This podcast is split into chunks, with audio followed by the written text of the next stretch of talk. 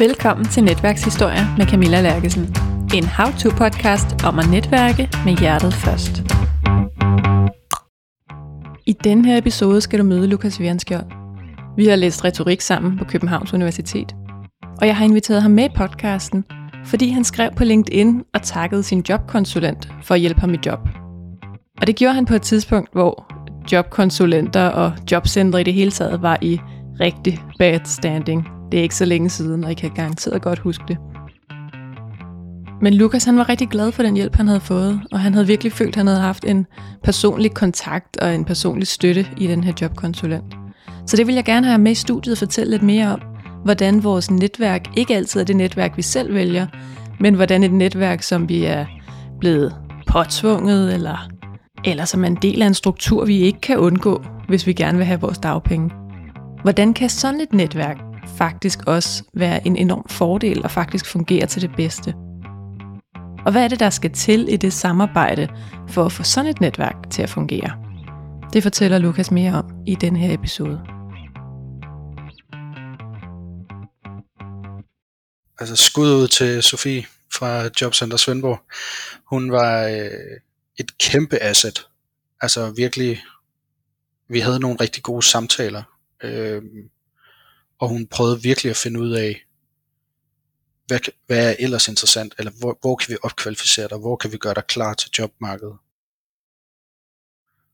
Og så gik jeg jo ledig øh, i nogle måneder der. Corona, godt og grundigt efterår, start vinter i en ny by, hvor der i forvejen måske er lidt tomt meget af tiden. Ikke? Øh, det var øh, det var en prøvelse at komme ud af. Og der var det faktisk, altså, der kunne man faktisk godt lidt bruge det som et lyspunkt, de der samtaler med jobcentret. Og det lyder jo helt sindssygt at sige på en eller anden måde. Men, øh, men jeg oplevede i hvert fald, at den energi, jeg gik ind til det med, øh, den fik jeg bare tifold igen. Og så lynhurtigt blev det faktisk utrolig venskabeligt. Altså jeg vidste ting om hendes børn, og jeg havde næsten hilst på dem over telefonen, ikke? fordi hun også arbejdede hjemme. Hun vidste alt om mit familieliv. Øh, det blev faktisk en ting, man glædede sig til, og der var altid god stemning. Og altså, når man taler om strategisk netværk, for eksempel, strategisk networking, så taler man tit om at være bevidst om, hvad man selv vil have ud af situationen. Og det er selvfølgelig en del af det. Men jeg synes også rigtig meget af det handler om, hvordan kan vi gøre situationen fed? Altså, hvordan kan vi gøre den hyggelig? Hvordan kan vi gøre den sjov? Og så kommer det, man vil have tit lidt hen ad vejen. Eller mere naturligt i hvert fald.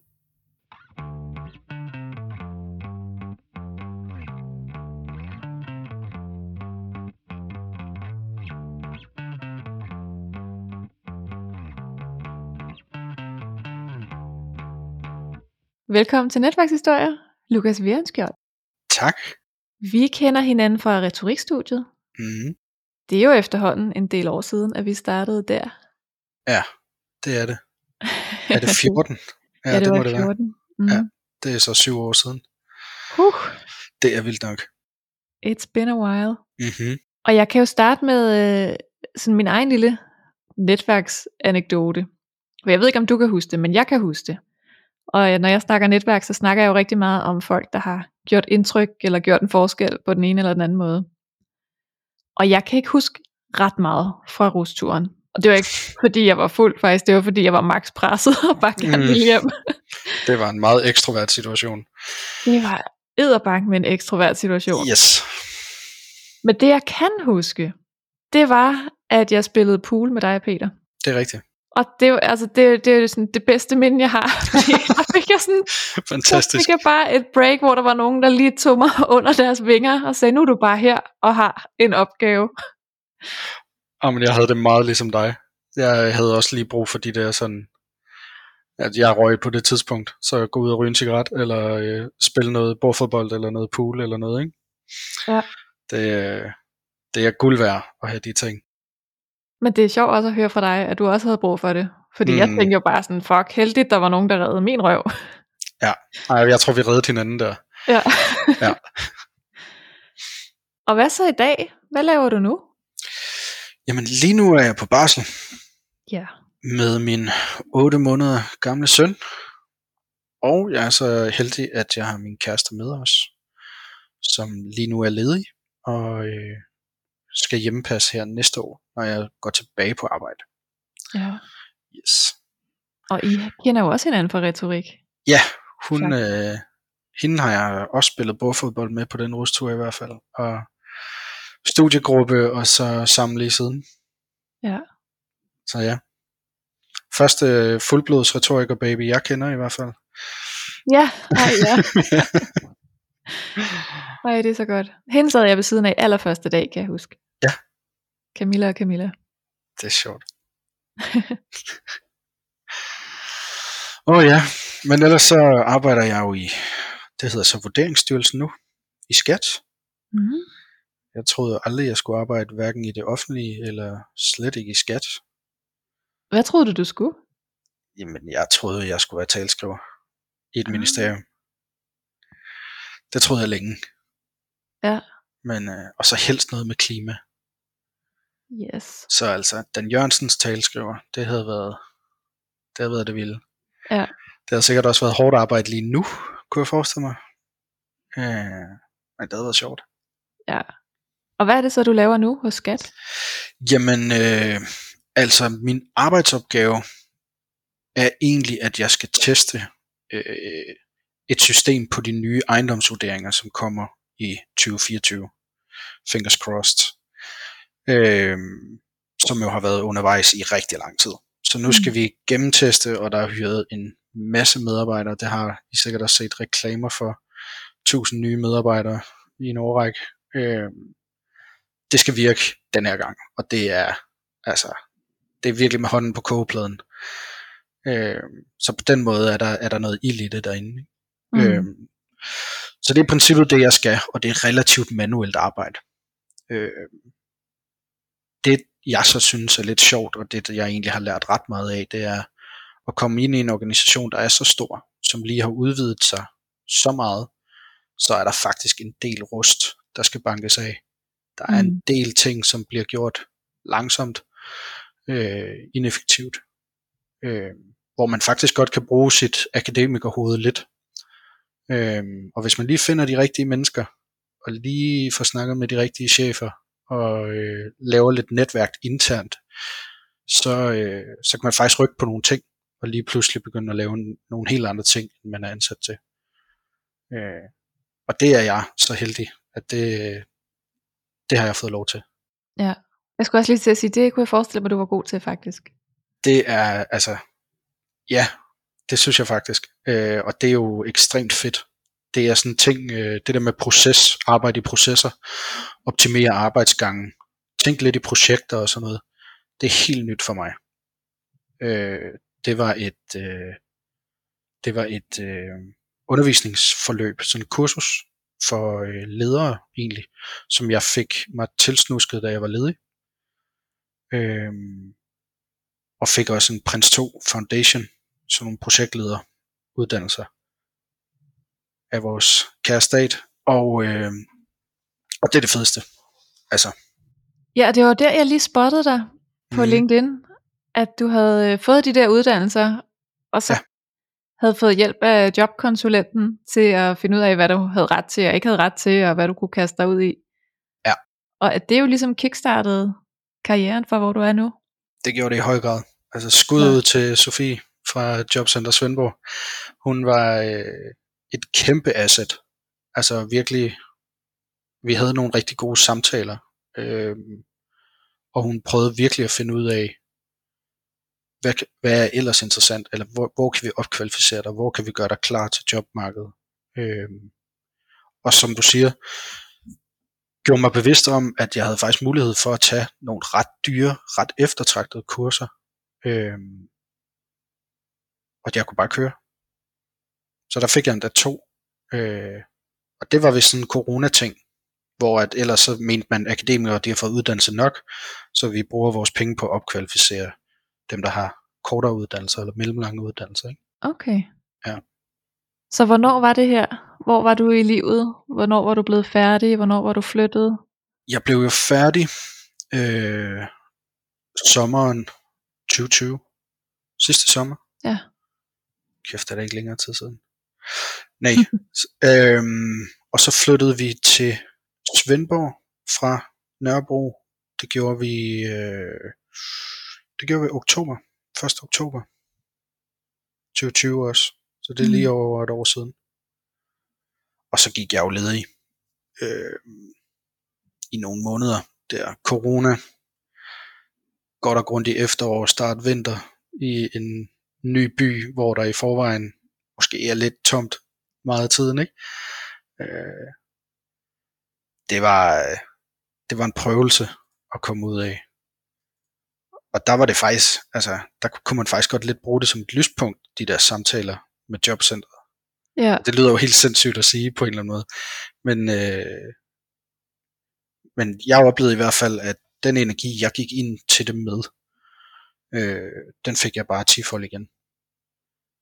Øh, så jeg har virkelig fundet ud af det der, den der kliché om, at altså, hvis du bare prøver at gå efter det, du brænder for, så skal det nok komme stille og roligt. Ja, så hvordan var det, du gjorde det? Jamen, altså, jeg, jeg sagde jo rimelig udtrykkeligt til hende, at vi snakkede meget om, og jeg prøvede at forklare, at øh, jeg alligevel, altså, jeg kan ikke lade være med at tænke sådan meget overordnet. Så jeg vil rigtig gerne have noget, hvor der kommer noget ansvar. Jeg vil ikke, altså jeg vil ikke øh, arbejde særlig effektivt et sted, hvor jeg skulle lave meget af det samme, uden at have indflydelse. Øh, og det var egentlig fint nok, at jeg så ikke hoppede på de jobs, hvor der ikke var det. Mm. Øh, så jeg blev ikke tvunget ud i alt muligt. Jeg fik selvfølgelig nogle tilbud. Øh, jeg blev faktisk ikke tilbudt poder. Det var der ellers mange, der gjorde. Nå. Men øh, ja, det var meget sjovt. Den hørte ja. jeg aldrig om. Det var først senere. Ja, så jeg tror egentlig bare, øh, hun hjalp mig også til at finde ud af, hvad jeg synes, der er sjovt på en eller anden måde. Ja. Øh, og at jeg måske egentlig godt kunne tænke mig at lære at blive en god leder på et eller andet tidspunkt hen ad vejen. Ja. Så hvordan opstår det i sådan en samtale med en relativt fremmed, som jo er sådan lidt et påduttet netværk som Ja. jobcenter? Altså, øh, jeg kan ret godt lide at tale telefon. Mm. Øhm, og så jeg kunne egentlig godt lide det, den, den der leg, der lidt var i det. Jeg behøvede aldrig at møde vedkommende. Jeg kunne egentlig teste tingene lidt af, og så bruge noget retorik til at prøve at skabe et common ground. Øh, og så lynhurtigt blev det faktisk utrolig venskabeligt.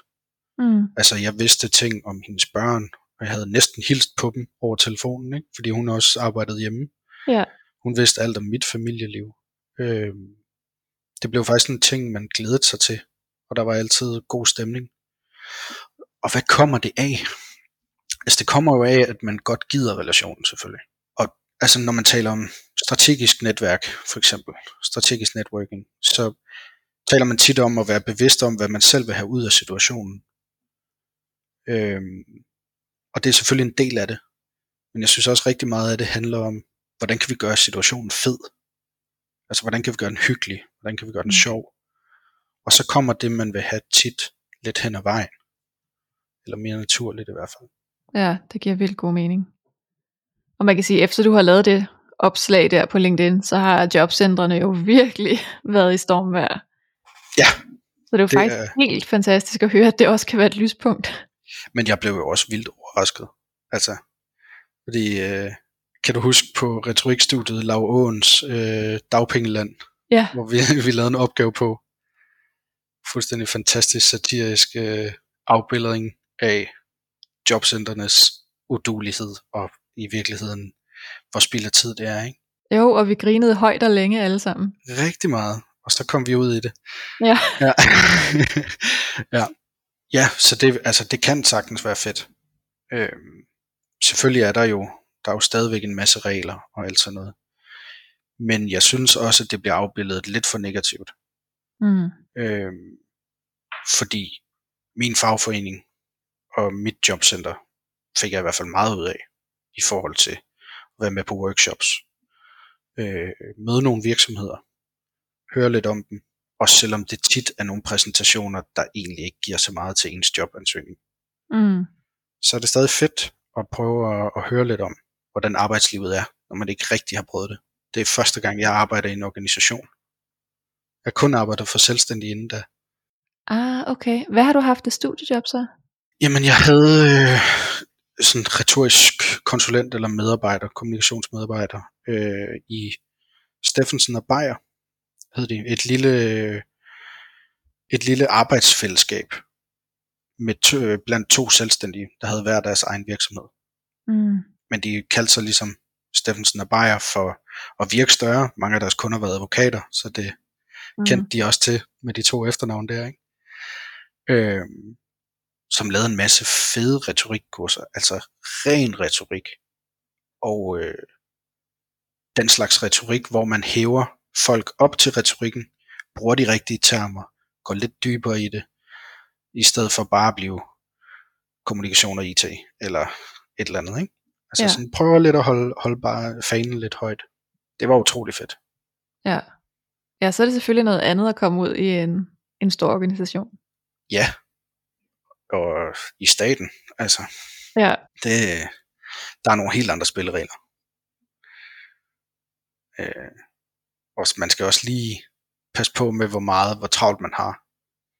På Ja. en måde, ikke? Ja. Ja, men det er meget sjovt også at lære. De store tankskib, hvordan man får styret dem lidt.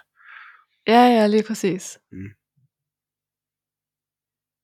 Ja. Der var et eller andet, jeg skulle til at spørge om før. Det var nok omkring... Jo, vi snakkede om øh, jobcenternes krise der. Ja, Men det er der rigtig meget i København, var, at det er rigtig slemt. ja og jeg hører også kun alle de dårlige historier, altså fra mine egne ja. ledige venner og veninder. Jeg tror også, det var derfor opslaget, det fangede mig. Ja. Også fordi det er jo ledte videre. Det var måske det, jeg skulle til at spørge om. Hvordan var det, det gik fra jobcenter til efteruddannelse til job? Jamen, det skete, øh, det var faktisk meget samtidig. Øh, at jeg, jeg gennemgik de der, jeg var på de kurser der, øh, samtidig med, at jeg så blev, at jeg fik at vide af min øh, jobkonsulent, jeg har, øh, jeg har det her job, som jeg skal finde nogen, jeg synes er gode til. Og det er egentlig en HK-stilling. Du kommer til at være ansat på HK-overenskomst til en HK-løn. Øh, men det er en stor organisation, og du kan jo prøve at se, om det kan blive til noget. Og jeg var så klar på arbejde. Ja, Jeg var så træt af at være ledig. Så jeg sagde jo bare ja, og møder bare en jovial, hyggelig chef, som jeg slet ikke havde forestillet mig, at de var i staten. Altså kammeratlig, venlig, alt kan lade sig gøre. Jeg finder bare ud af det. Og får øh, 18 nye øh, med- medarbejdere, der er lige så nye som mig, i øh, bred palette af aldersgrupper. ja. Hvad sagde de så til, at du kom fra en anden baggrund, end de jo egentlig søgte? Der blev joket lidt med det, tror jeg. Øhm, at øh, det der underlige kommunikation noget, det, det er der vist nogen oppe i administrationen, der også kender til. det var ikke rigtig noget, vi brugte der, men altså, det var meget venskabeligt. Jeg kunne tydeligt mærke, at der er en anden jargon på Fyn, end der er i København. Mm, ja. Og så tror jeg ikke, de ved, altså, de er nok lidt usikre på, hvad man præcis skal bruge det til. Altså, de var meget gladere for, at jeg havde projektlederkurser, for eksempel. Okay, så det, det gav faktisk en forskel der. Det forstod de ligesom, det er noget, man kan bruge. Det har vi hørt lidt om. Ja. Hvad var det, man lærte på de kurser der? Ja, men altså, egentlig sådan det, jeg lærte mest, det var at tænke som en projektleder. Altså, man får en række af værktøjer. Konkrete værktøjer, som jo er et meget specielt begreb for en humaniora-studerende, ikke? Mm. Men virkelig nogle kasser, hvor man kan sætte alting ind i. Øhm, så jeg synes, den helt store, øh, det helt store udbytte er at tænke i rækkefølger. Indbyrdes afhængigheder af, det her skal gøres, og det her skal gøres. Hvornår kan hvad gøres i forhold til det andet? både være smartest, men også hvad kan lade sig gøre. Simpelthen at tænke i processors indbyrdes afhængighed af hinanden på en mm. eller anden Mm. måde. Det, øh,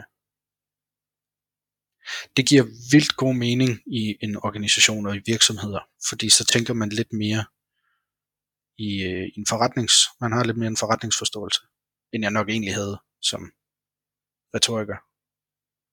Okay, og det er fedt, fordi det savner jeg også nogle gange. Og det ser jeg rigtig mange, der savner. Og jeg er Ja. sådan, tag lige et projektlederuddannelse. Det er fucking fedt. Ja, fordi netop som du siger, man kommer ud i en helt anden type arbejdsplads, man ikke har været på før, Mm, og hvor de andre måske har en baggrund, hvor man havde flere af de der redskaber mm, og processer, og det er bare sådan, man gør. præcis. Og det er altså op ad bakke at lære det fra bunden, sådan learning by doing.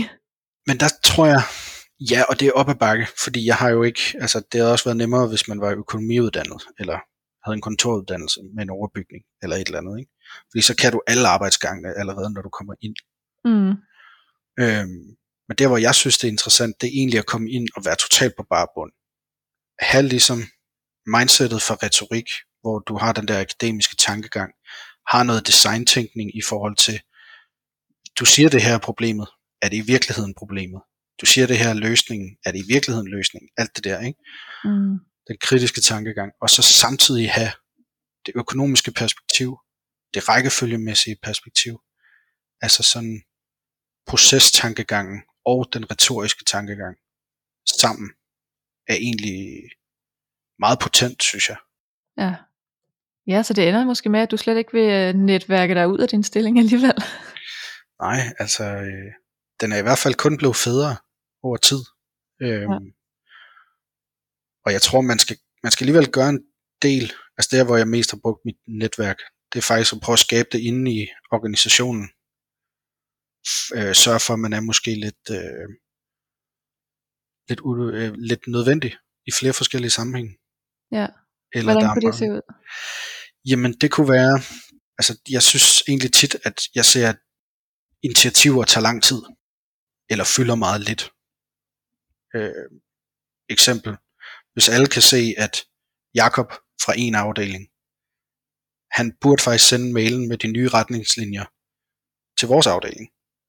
Og alle kan mærke, at de bliver forsinket i deres egen arbejdsproces, og alle føler sig glemt, og alle føler sig overset. Så ser jeg faktisk ikke rigtig andre, hvis første reaktion er at gå ned og snakke med Jakob.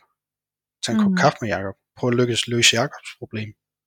Så det er at gå ned og spare med dem, hvor man tænker, det her flaskehalsen er, det skaber faktisk ret hurtigt et meget bredt netværk med alle mulige, der har forskellige kompetencer og har ansvar for forskellige processer. Øh, Så at tillade sig den automatreaktion, at lige gå ned og tage en kaffe med alle dem, alle mulige forskellige Jakober, den, øh, den vil jeg i hvert fald gerne give videre. Fordi lige pludselig, så ved man, hvem der har det mest kompetente svar på et hvilket som helst spørgsmål, ikke? Ja. og øh, man ved, hvilke problemer folk sidder med i forvejen.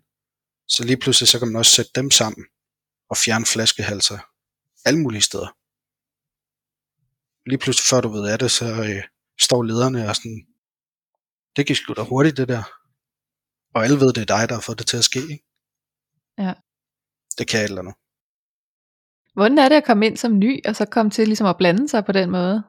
Det tror jeg, jeg vil være helt vildt bange for. Altså, øh, man, skal, man skal også passe lidt på.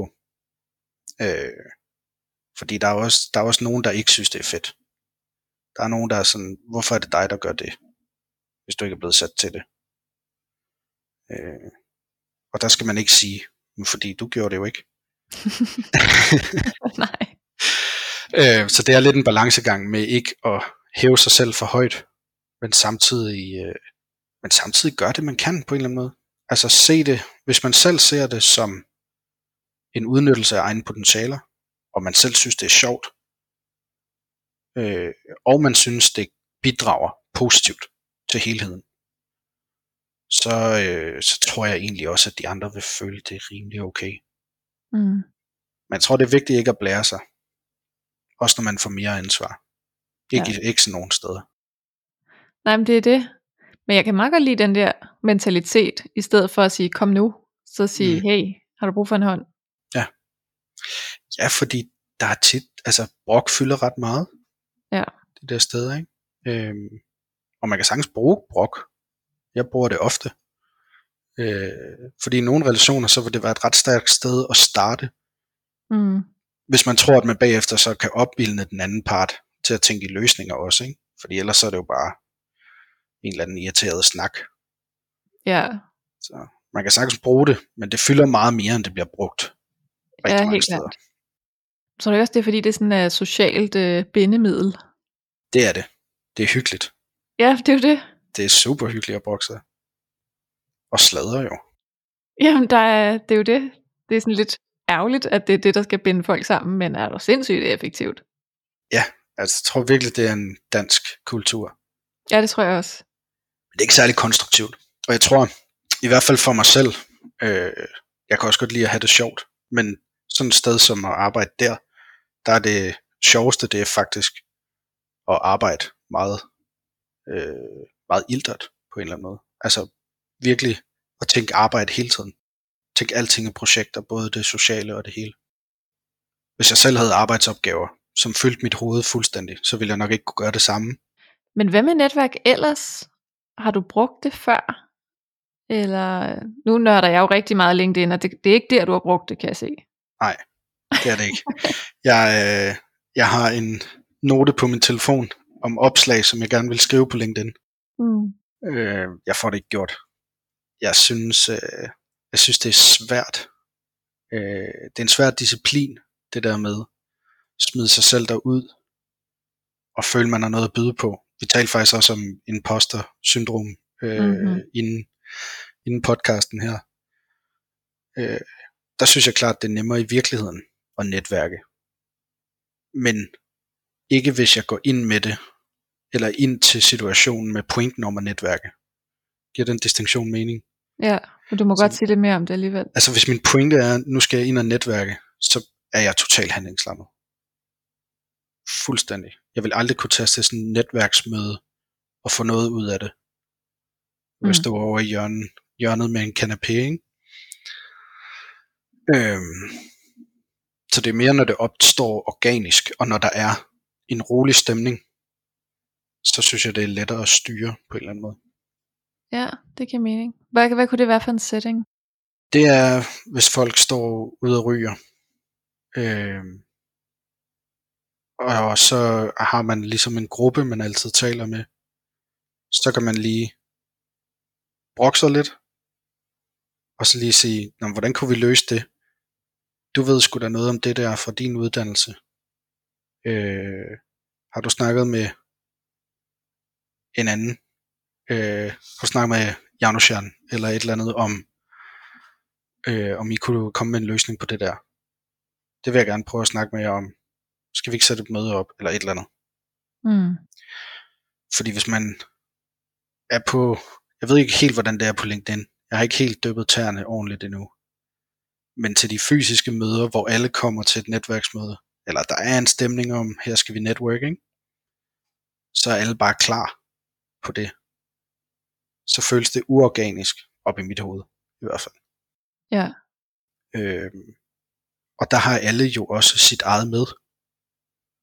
Så det er svært bare lige at overtage. Det er svært at styre det, fordi alle har, kommer egentlig også med en intention om at styre sit eget. Mm. Men det gør man ikke til en helt almindelig frokostpause. Nej, det er rigtigt. Det er mega spændende at høre om, fordi jeg gør det jo stik modsat. Jeg Ja. synes jo, at en frokostpause er svær at styre. Ja. så sådan på en fuldkommen uoverskueligt niveau. Men er det ikke fordi, at, at small talken er uoverskuelig? Jo, Det er den også. Det er derfor, jeg bruger den strategisk i stedet for, fordi jeg gider ikke at small talk, for det kan jeg ikke finde ud af. men hvordan gør man det? Walk me through it. Altså, øh, man skulle nok bruge en konkret situation, ikke?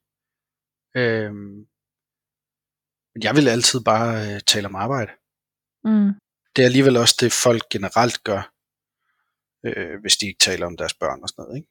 Ja. Men det handler jo selvfølgelig også om os at finde sine ofre. Find, find dem, som i forvejen måske synes, du er lidt interessant, eller et eller andet. Ikke? Få dig, vælg dig et par stykker af dem. Vælg, øh, find en eller anden, udse dig en, som er god til at lave venner. Så har I lige pludselig en gruppe, helst med nogle, nogle forskellige kompetencer. Og så start der. Tag ordet. Det kan være lidt scary også, ikke? Men Mm. Tag ordet og tag det på et arbejdsmæssigt område, fordi så behøver man egentlig ikke at udlevere sig selv. Man kan bare tale om, det her det er sgu da for dårligt. Kan man ikke gøre sådan her? Ja. Ja, der er en fordel ved at være i offensiven der. Og en eller anden måde, ikke? Ordet, ja. Og det, det kommer nok meget an på, hvordan man reagerer på den akavede situation, der er ved small talk.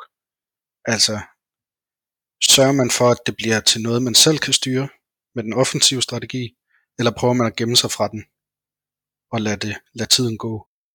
Og der, der er en halv time for lang tid for mig, Ja. til at jeg kan, kan, ligesom kan øh, kigge ned i min med. Nå, det er meget interessant. Hvor går du så hen, hvis du sådan i det daglige har brug for et eller andet? Brug for øh, sparring, eller en tjeneste, eller et eller andet sådan noget netværksagtigt? Der tror jeg, jeg går, altså sparring, der går jeg faktisk tit til leder. Ja. Øh, med mindre det er et eller andet specifikt. Og så, så går jeg til den, der ligesom har nogle kompetencer inden for det. Ikke? Altså på arbejdspladsen? Ja.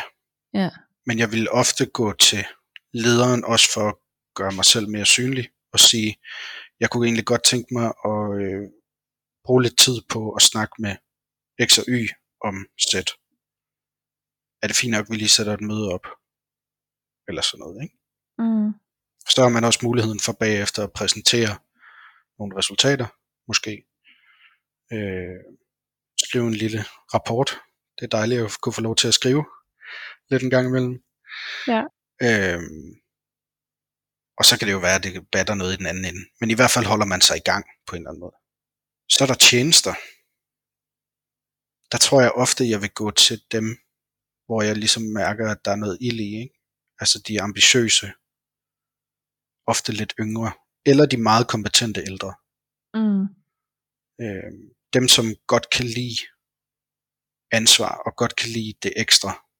Dem, som egentlig gerne, egentlig er lidt klogere end det, de laver. De leder altid efter noget nyt, et afbræk, et eller andet. Ikke? Ja, ja, et sted at byde ind. Og så generelt skal man altid bare bede om en tjeneste. Fordi folk, de elsker at blive spurgt. I hvert fald, Ja. hvis det er arbejdsrelateret. Ja, Det er jo et kæmpe gave. Vi kender det også som retorikere, hvis der er nogen, der siger, øh, ej, øh, jeg er ked af at spørge, men vil, vil du ikke rette min opgave? Eller vil du ikke lige læse den her øh, opgave, jeg har skrevet? Eller det her LinkedIn post, eller et eller andet. Vil du ikke lige kigge det igennem og se, om det giver mening? mm. Det kan du tro, vi vil. ja. Tak fordi du spørger mig. Ja, lige præcis. Det er faktisk rigtigt. Ja. Så hvis man skulle give et godt netværksråd videre, hvordan kunne det så lyde? Altså, så vil jeg nok sige, prøv at tænke som projektleder. Det er egentlig det bedste råd, jeg har. Og det er at tænke i indbyrdes afhængigheder. Hvad betyder det så? Altså, det betyder, vi skal have, øh, vi skal have gjort de her mennesker klar til at undervise i u 43. Vi skal have lavet undervisningsmateriale til dem. Vi skal have noget information fra, øh, fra leverandøren, som kan puttes i undervisningsmaterialet. Hvis vi ligesom har de tre markører, så kan vi se en tydelig rækkefølge. Først skal vi have noget information, så skal vi lave en plan, så skal vi sende folk ud og undervise. Det tænker man er meget naturligt. Det er det slet ikke alle steder. Mm. Øh, der har vi tit nogle deadlines, som er helt skæve. Så i uge 45 får vi informationerne til de mennesker, der skal undervise i uge 43. Ja, Og der tænker man bare, what? Og det er fordi, der ikke er tænkt. Det er ikke, øh, arbejdsopgaven er ikke lavet som et projekt. Øh, og man kan sagtens tænke enhver arbejdsopgave som projekt. Selvom man arbejder på en opgave, der allerede køres som et projekt, så kan det sagtens være, at man opdager et eller andet, som teamet bag ikke har mis eller har misset. Ikke? ja, Og om ikke andet, så er det sjovt at være på arbejde, fordi Det handler om ligesom at involvere sig mere i de forskellige komponenter. Se bagved, hvem arbejder med hvad? Øh, hvorfor arbejder de med det? Kører det egentlig godt derover? Eller er der noget, man kunne hjælpe med der, som kunne lette mit arbejde? Det er sjovere at gå på arbejde. Arbejdsglæden stiger virkelig, når folk involverer sig mere tingene. Ja, det lyder meget rigtigt. Men det er ikke også tit, fordi man ikke har tid i hverdagen. Altså det er lidt ligesom det der med skovhuggeren, der ikke har tid til at stoppe op og, øh, og slibe saven, fordi han er virkelig travlt. Ja, det er rigtigt. Og det er jo også, det er jo faktisk allerede at tænke i projekt, hvis han tænker, det her det er en investering. Mm. Jeg investerer min tid nu i fremtiden. Og det skal du selvfølgelig på en eller anden måde få en clearing på, at det må du gerne. Og den, den har jeg ikke. Altså, jeg gør det bare. Og det er gået fint indtil videre. Så det er lidt et sats på en eller anden måde, hvis man også gør det. Man Mm. kan altid tænke sådan. Men øh, hvis du også bruger din tid på at gå rundt og snakke med folk og få mere viden, så øh, kan det godt være, at du skal arbejde over. Det kan også være, at du skal gøre det gratis. Men under alle omstændigheder, så kan det godt betale sig at se ud over og bagom de forskellige tandhjul på ens arbejdsplads. Fordi man finder altså flere, flere rustne tandhjul, end man lige tror. Ja. Ej, det er spændende netværksråd. Det har vi ikke haft før. Fedt. Men det bringer dig jo netop rundt i organisationen. Ja, det gør det faktisk. Altså, så jeg kender rigtig mange der, som jeg ikke havde mødt organisk. Ja. Eller det havde jeg måske på flere år. Men jeg har jo lært dem, lært rigtig mange at kende på et par måneder. Ja. Og indtil videre ikke trådt nogen over tæerne. Ikke nogen af mine medarbejdere, nej. Ikke nogen af mine kolleger. Så vil jeg ikke sige mere om det. ja, rådet står i hvert fald. yes. Ja. Hvis det er noget, man synes, der er sjovt, så, øh, så gør det. Kig på rækkefølger. Kig på, hvem der, hvem der egentlig er interessenter. Hvem der bliver påvirket af de forskellige ting. Og øh, kig på at se, om du kan lave delmål for dit eget, din afdelings, og måske også de andre afdelingers arbejde. Fedt. Mm. Tak. Tak fordi du ville være med. Det var sjovt. Det var godt. Det var slet ikke så scary, som jeg havde troet. Nej vel? Nej, Så fik du også din podcast debut. simpelthen. Tusind tak, fordi du lyttede med, og øh, bliv lige hængende et øjeblik endnu.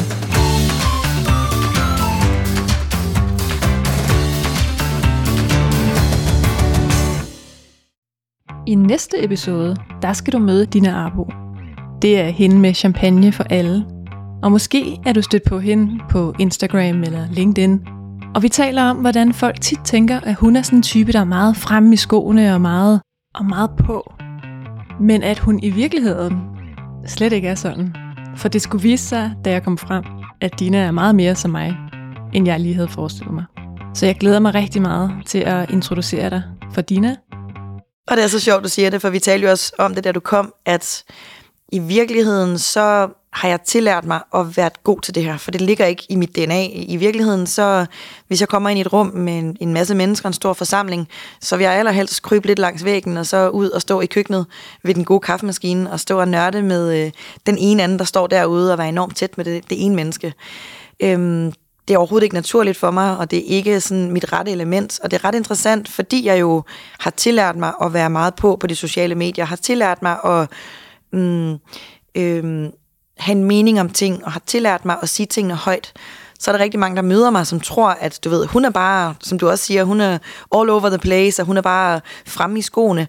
Og det er jo også til dels, men sådan indvendigt, og dem, der kender mig rigtig godt, ved også, at det i virkeligheden er jeg noget mere introvert, og jeg er noget mere sådan mm, tilbageholdende, og i virkeligheden, hvis jeg skulle vælge, ville jeg hellere sidde og nørde bag ved min computers, computerskærm og sidde og dykke ned i øh, øh, statistikker eller sådan nørdede ting, jeg kan sidde og, og fordybe mig i. Og vi optager faktisk på Netværkshistoriers etårs fødselsdag. Og det skulle vi selvfølgelig fejre med champagne.